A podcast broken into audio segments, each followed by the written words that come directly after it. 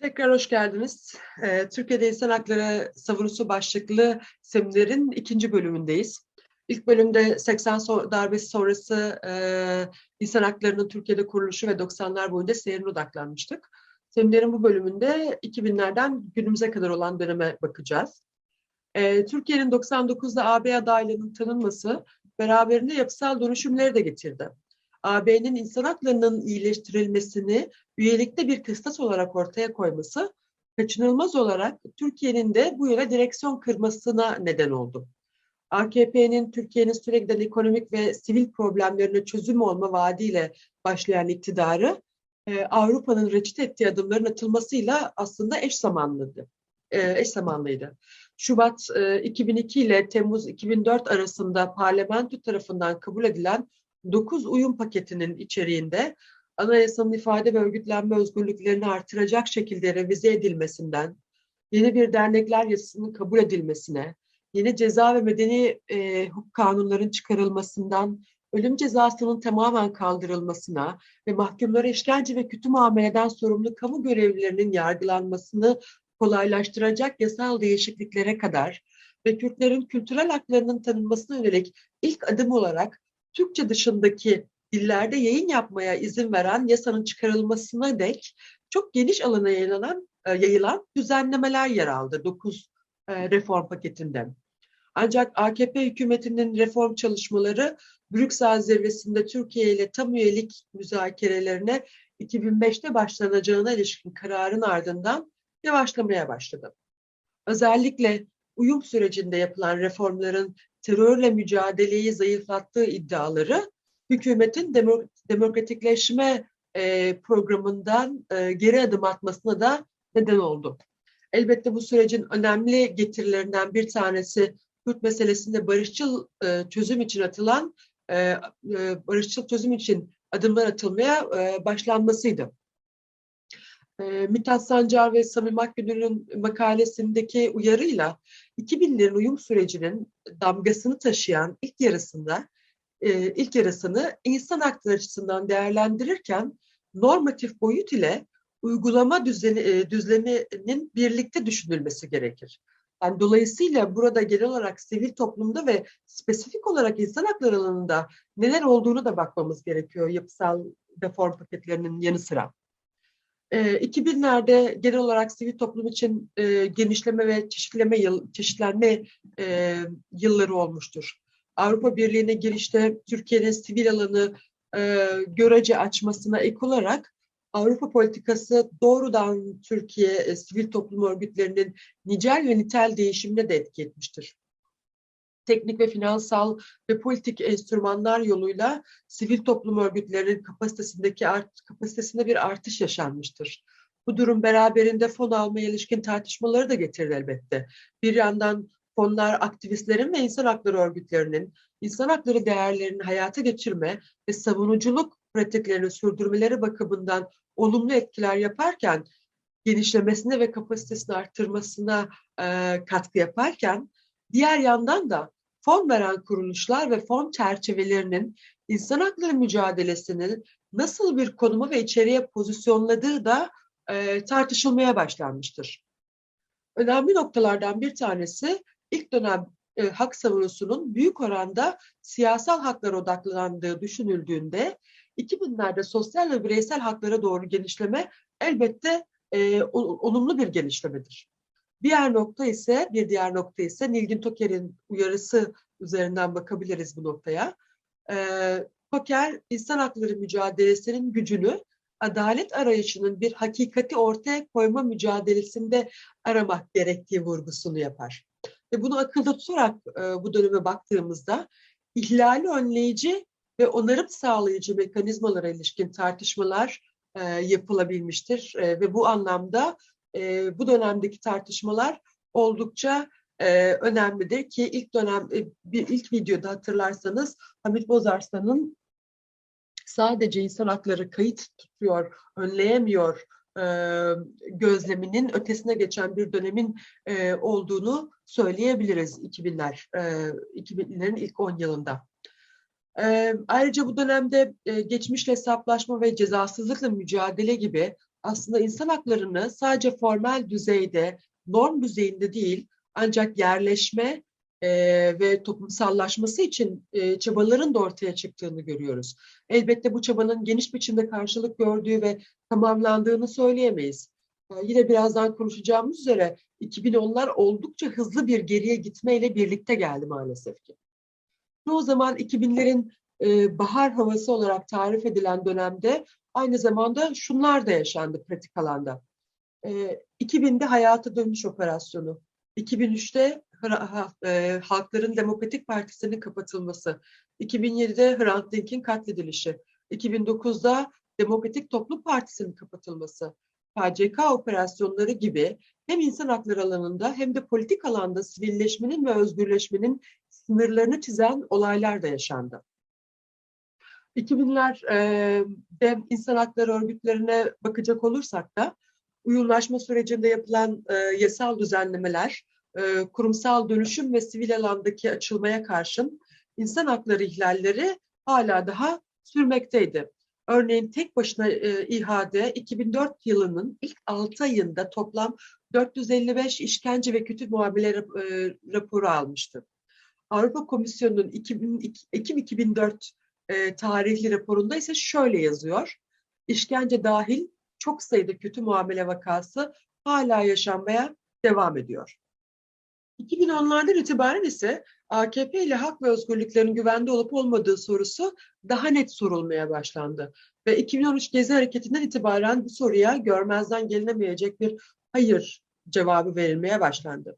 Çünkü bu dönemden itibaren e, Türkiye'de e, Kaygısız Aydın'ın e, tabiriyle Türkiye'de devlet krizini yansıtan anayasas, anayasasızlaştırma olarak nitelendirilebilecek bir aşamaya ulaşıldı.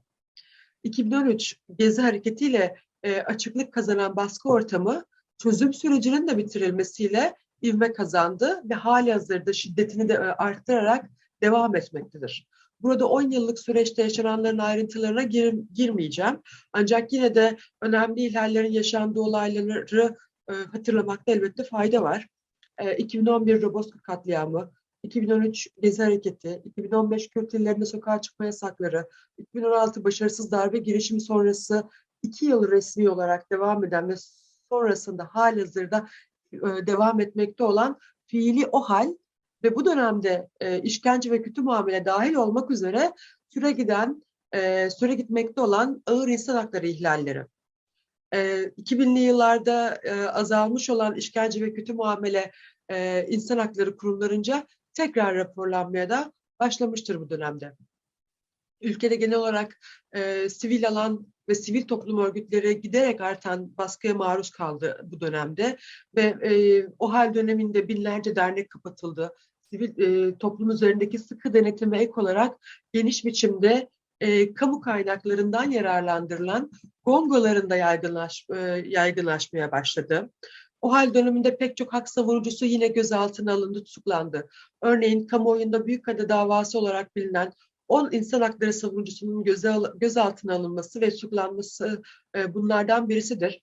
E, AF örgütünün Türkiye temsilcisi İdil Eser ve yine AF örgütü Türkiye Şubesi Yönetim Kurulu Başkanı Taner Kılıç da bunlar arasındaydı ve Taner Kılıç silahlı terör örgütü üyeliği suçlamasıyla 14 ay tutuklu kaldı hala daha tekrar tutuklanma riski de devam ediyor.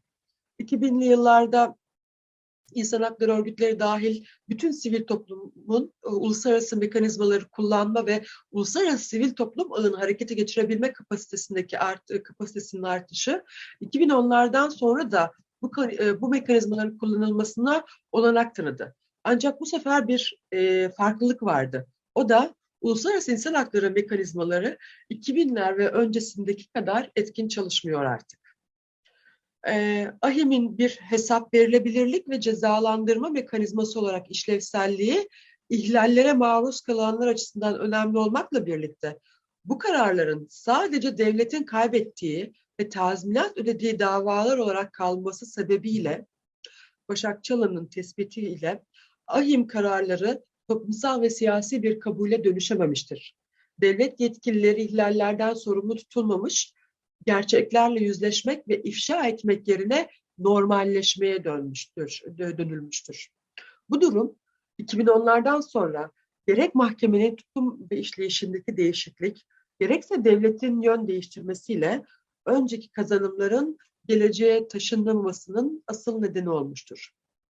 Ahimin etkisi bizzat mahkeme kararlarının ötesindedir elbette. Ee, inceleme misyonu yani fact finding e, ziyaretleri gerçekleştirilmesinin sembolik ve dolayısıyla insan hakları e, savunucuları için güçlendirici bir etkisi vardır. Eski komisyon ve 98'den bu yana e, bir dizi e, davada yeni mahkeme e, önemli sayıda olgu tespit çalışması yürütmüştür. Ancak Türkiye aleyhine açılan dava sayısı başta olmak üzere son yıllarda ağır dava yükü sebebiyle e, ziyaretler azalmıştır. Mahkemenin ziyaretleri nadirleşmiştir. E, ayrıca buna ek olarak mahkemenin yerel kurumların yapması gereken işleri yapma konusunda da isteksiz olduğundan da literatürde bahsedilmektedir. 90'lar ve 2000'ler 2000'lerde insan hakları savunusu e, ve küresel insan hakları rejimi bakımından son derece önemli olan ülke ziyaretleri sadece ahim değil, aynı zamanda çeşitli delegasyonlar ve raportörler tarafından da gerçekleştiriliyordu. 2010'larda bu ziyaretler seyrekleştiği gibi mahkemenin tutum değişikliğinin de e, yansımasını 2020 yılında mahkeme başı e, başkanı e, Spano'nun ziyareti sırasında görüldü aslında. Spano insan hakları örgütleri ve ihlale uğrayan kişilerle görüşmek yerine devlet yetkilileriyle görüştü. Son olarak kitle imha silahlarının e, yayılmasının, finansmanının önlenmesine ilişkin kanun kapsamında sivil toplum üstünde ağır denetimin e, denetim ağır e, denetimin getirilmesi sadece sivil toplum örgütlerinin baskı altına alınmasına değil ancak sivil alanın kapatılması anlamına da gelmektedir. Nihayetinde otoriter devletler suçlulaştırma ve marjinalleştirmeyi sadece söylemsel düzeyde kurmazlar. Ancak aynı zamanda kurumsal ve hukuki araçlarla cezalandırma, güçsüzleştirme ve marjinalize e, etme taktiklerini de kullanır, kullanırlar. E, gerek İnsan Hakları Derneği, gerekse diğer e, insan hakları örgütlerinin 30 yılı geçen tecrübesi, dahil oldukları ağlar ve Türkiye'nin taraf olduğu uluslararası hukuk, insan hakları rejimi ve organları göz önüne alındığında Türkiye'de insan hakları örgütlerinin hareket alanını anlamak ve doğal boğazı aşmak için de e, yararlı olacaktır. E, ihlaller karşısında hak örgütleri, bölgesel ve küresel insan hakları mekanizmaları ve sivil toplum ağlarıyla ilişkilerini sürdürmekle birlikte bu çalışmaların tatmin edici karşılık e, bulmadığını görmekteyiz. Avrupa Birliği'nin inşa ettiği insan hakları rejimi ve mekanizmalarının e, son 10 yıldır Türkiye'de yaşanan ihlaller karşısında etkisiz kalmasının nedenlerini devletler arası güç ilişkilerinde aramak gerekiyor. İnsan hakları AB'nin en önemli politikalarından birisi olmakla birlikte insan hakları hukukunun uygulanması ve uygulamada sürdürülen diplomasi devletler arası güç ilişkileri bakımından e, çelişkiler yaratmaktadır.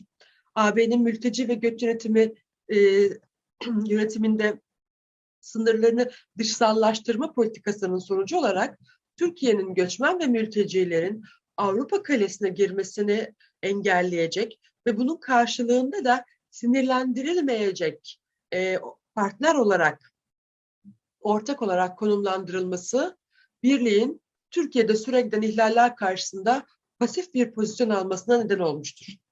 Türkiye'nin AB için kapı bekçiliği rolünü güçlendirmesi ve AB sınır kontrolü ve göç e, politikasıyla uyumlu kalması e, yeterli olmuştur. Nitekim Avrupa Komisyonu'nun Türkiye ilerleme e, raporunu Kasım 2015'teki seçimlerin sonrasına ertelemesi tam da bu karşılıklılık e, ilişkisinin örneklerinden birisidir. Bu süreç 2000'li yıllarla karşılaştırıldığında AB'nin Türkiye'nin dışarıda konumunu sabitlediği ve ülke içinde nelerin neler yaşandığını hukuka aykırı olsa dahi zorunlu kalmadıkça görmezden geldiğini söyleyebiliriz. İnsan hakları normlarının yerelleşmesini açıklamaya çalışan sarmal model e, bu süreçte devletler arası ilişkilerin gücünü görmek bakımından başarılıdır. Ancak bu ilişkinin iki, iki tarafındaki devletlerin sürekli iyi ve ileri yönde ilerici, e, e, iyi ve ileri yönde ilerleyeceği yönündeki öngörüsünde e, bu anlamıyla yanılmıştır. Ahim'in dava başvurularını ele alış biçimindeki değişiklik, esasdan önce uzun bürokrasi e, içeren e, usul incelemeleriyle önemli ihlal davaların dahi reddedilmesi, insan hakları ortamına e, kötü etkilerden bir tanesi olmuştur. Öte yandan Demirtaş ve Kavala davalarında olduğu üzere dava ihlal kararıyla neticelense dahi kararın uygulanması süreci devletler arası güç ilişkileriyle ilişkilidir. Ee, ve aynı zamanda sadece Türkiye'deki insan hakları krizini değil, e, bölgesel ve küresel insan hakları krizini de işaret etmektedir. 90'larla bir başka fark ise uluslararası insan hakları organları ve mekanizmaları ile olan ilişkidir. Sivil örgütler ve inisiyatiflerle ilişkiler devam etmekle birlikte Birleşmiş Milletler ve AHİM raportörleri gibi mekanizmaların geri çekilmesi, devletin insan hakları normlarının uygulanmasındaki ihlalleri arttırmasına olanak tanırken, insan hakları örgütlerini de izleme ve raporlama noktasına geriletmektedir. Türkiye'de 80'lerin sonundan günümüze kadar olan insan hakları savunusu bize gösteriyor ki insan hakları alanı ülke içindeki politik atmosfer ve aynı zamanda ülkenin uluslararası siyasetle nasıl ilişkilendiğiyle yakından ilintili. Devletler arası ilişkiler kağıt üzerinde eşit egemenlik e, e, gibi tarif edilir. E, ancak aslında eşit olmayan güç ve kaynaklarla şekillenir. E, devletler arası baskının işlevsel olmasını e, sağlayan da yine devletlerin eşitsiz konumlarıdır. Bu anlamda Türkiye'nin AB ile ilişkisinin e, ilişkilerinin değişimi insan hakları alanı ve savunusunu da etkilemiştir. Ancak bu demek değildir ki e, insan hakları savunusu sadece devletlere göre şekillenir.